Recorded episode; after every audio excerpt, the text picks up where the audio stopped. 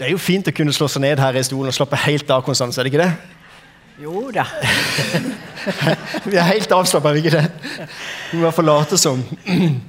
Nei, altså, jeg må jo si det at du, jeg forbinder deg med fellesmøtene. Du har vært der i alle år, du har du ikke det? Hvor lenge har du vært med i fellesmøtene og presentert bibelprosjektet? Jeg har vært siden eh, nesten sagt før du var født. Nå nå er jeg spent på hva årstallet er. Nei, det er siden eh, 1990. Ja, ja. Takk skal du ha.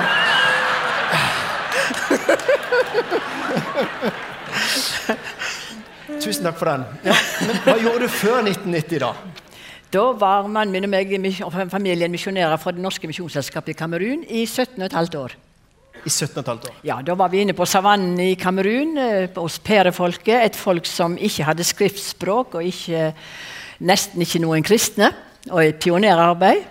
Og vi fikk sammen med lokale team lage alfabet og grammatikk og leseopplæring. Og dette folket var et slavefolk under eh, herskerfolket fulanerne i Kamerun, så de følte at de var veldig lite verdt. Men når de kunne få bøker og lese og være eh, sånn som andre store folk, sånn som franske og engelske, så fikk de en helt annen identitet. De ble stolte over sin kultur og at språket kunne skrives. Så du har vært med å gi på en måte en identitet til et folk, gi verdi til et folk ved å rett og slett oversette Bibelen? Ja, Identiteten har de sjøl, men de blir klar over den, og språket var, eh, de oppdager at språket deres er jo veldig rikt og flott, og så kan det brukes til alt, også til å lage Bibel. Ikke sant? Ja. Og det har du vært med på å lage. Men det var noe spennende som skjedde nå like før jul. Kan du ikke fortelle litt kort om det? Jo, eh, i, i, i desember, første søndag i advent, så var jeg tilbake i, igjen i landsbyen vår. Og det er fordi at vi fikk et Nytestament i 1985. Og fra de titalls kristne som hadde, så hadde vi nå over 1000 kristne. Og så, rundt 2010, så var det ikke flere Nytestamenter igjen. Og Så spurte de kan de komme tilbake og være med å revidere og lage ny. Og vi var tilbake i fire år. Og denne boka var ferdig eh, i begynnelsen på dette året. Trykt i Korea, sendt til Kamerun. Og den første søndag i advent så var den på plass i landsbyen Gajivan. Og der hadde vi en kjempefest. Du har med deg.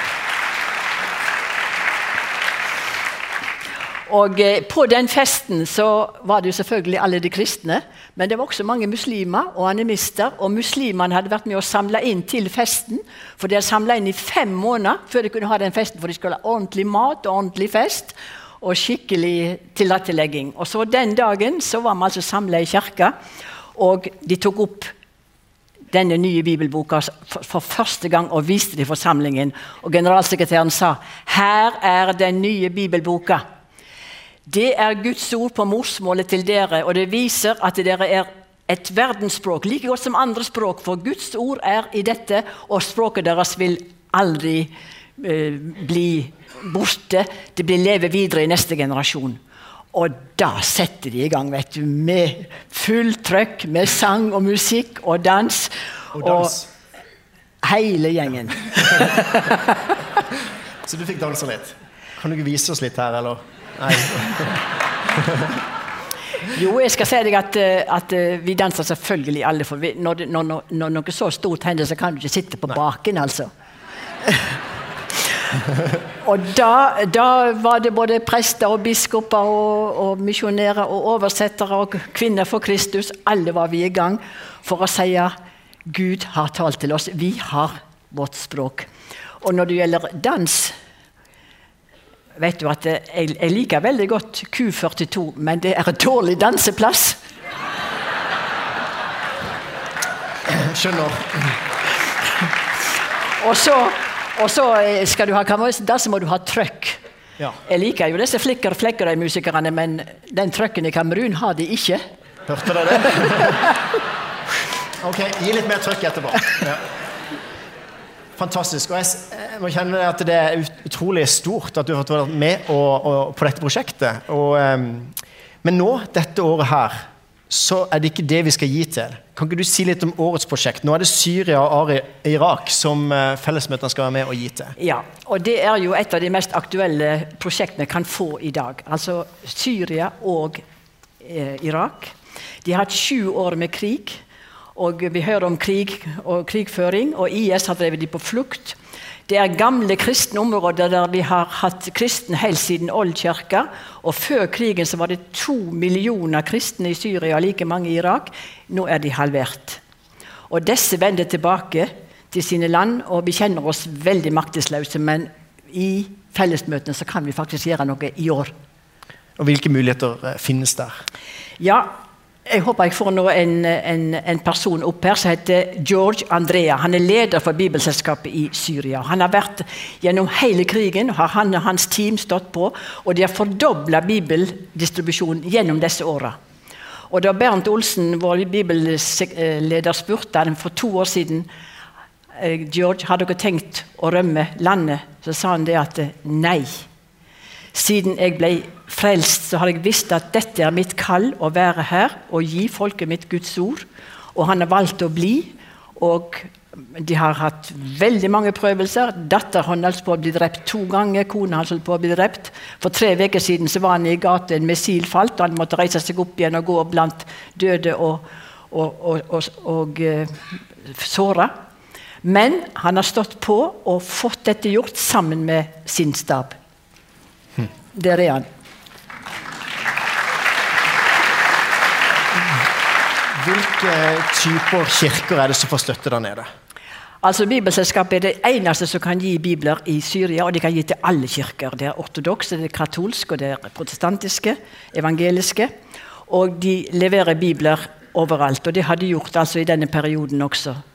Og Somme tider så har de hatt biler ute å kjøre, de har blitt konfiskerte, og de har måttet drive med løsepenger for å få ut biblene. En gang så var det 10 000 bibler som ble brent og ødelagte, så de har hatt mange kamper for å gjøre dette her. Og uh, de er i gang i landet sitt. Hvis vi ser på neste bilde, så ser det um, altså det, det, er ganske trasig, det som har skjedd der nede. Og så nå, nå ser vi Hva er det vi ser her for noe? Ja, Nå er vi kommet til Irak. Og i dette landet er det jo akkurat nå begynt å vende hjem igjen. Og de finner at alt er ødelagt. Heimene er ødelagt, og kirken er ødelagt, og alt inni kirken. Ikke bibler, ikke kunst. ikke, eh, Du ser de har ikke stoler å sitte på engang. Disse folka trenger en bibel. Og disse kan vi være med å gi til nå, for Bibelselskapet er på plass for å gi dem iallfall en basis i å begynne å finne mening med livet og finne sitt uh, liv igjen. Så det, Irak er ett av prosjektområdene.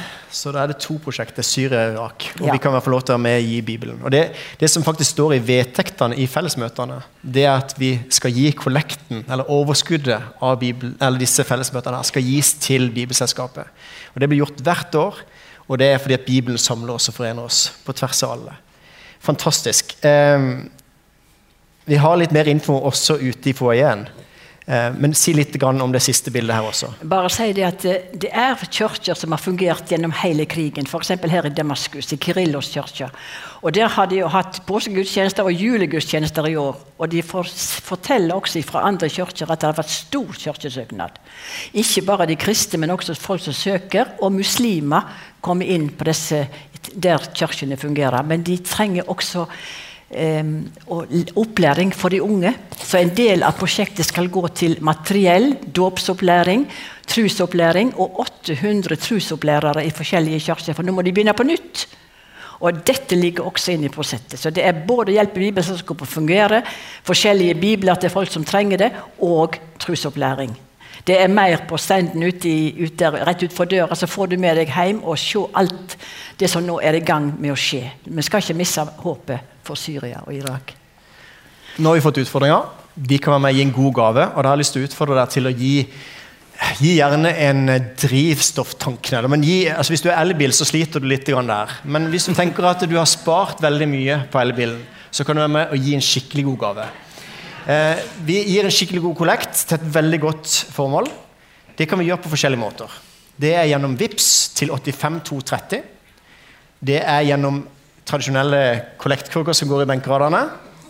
Og så har vi dessverre ikke fått kortterminalene til å fungere av en eller annen grunn, så vi kobler oss, kobler oss ikke opp der. Så da får vi ikke kort akkurat i dag. Men jeg kan også gi gjennom SMS. Da kan jeg skrive 'felles' og sende til 1933. Men da må det ha felles og så mellomrom, og så det, det gavebeløpet dere ønsker å gi. Eh, I tillegg så er det også mulig å overføre på konto for dere som sitter hjemme, til 3000 33 000 44. Da har vi mange forskjellige muligheter. Og vær med og støtte. Fellesmøtene koster litt. Så dette går på å dekke fellesmøtene, og overskuddet går da til Bibelselskapet. Så tusen, tusen takk for det dere er med og gir.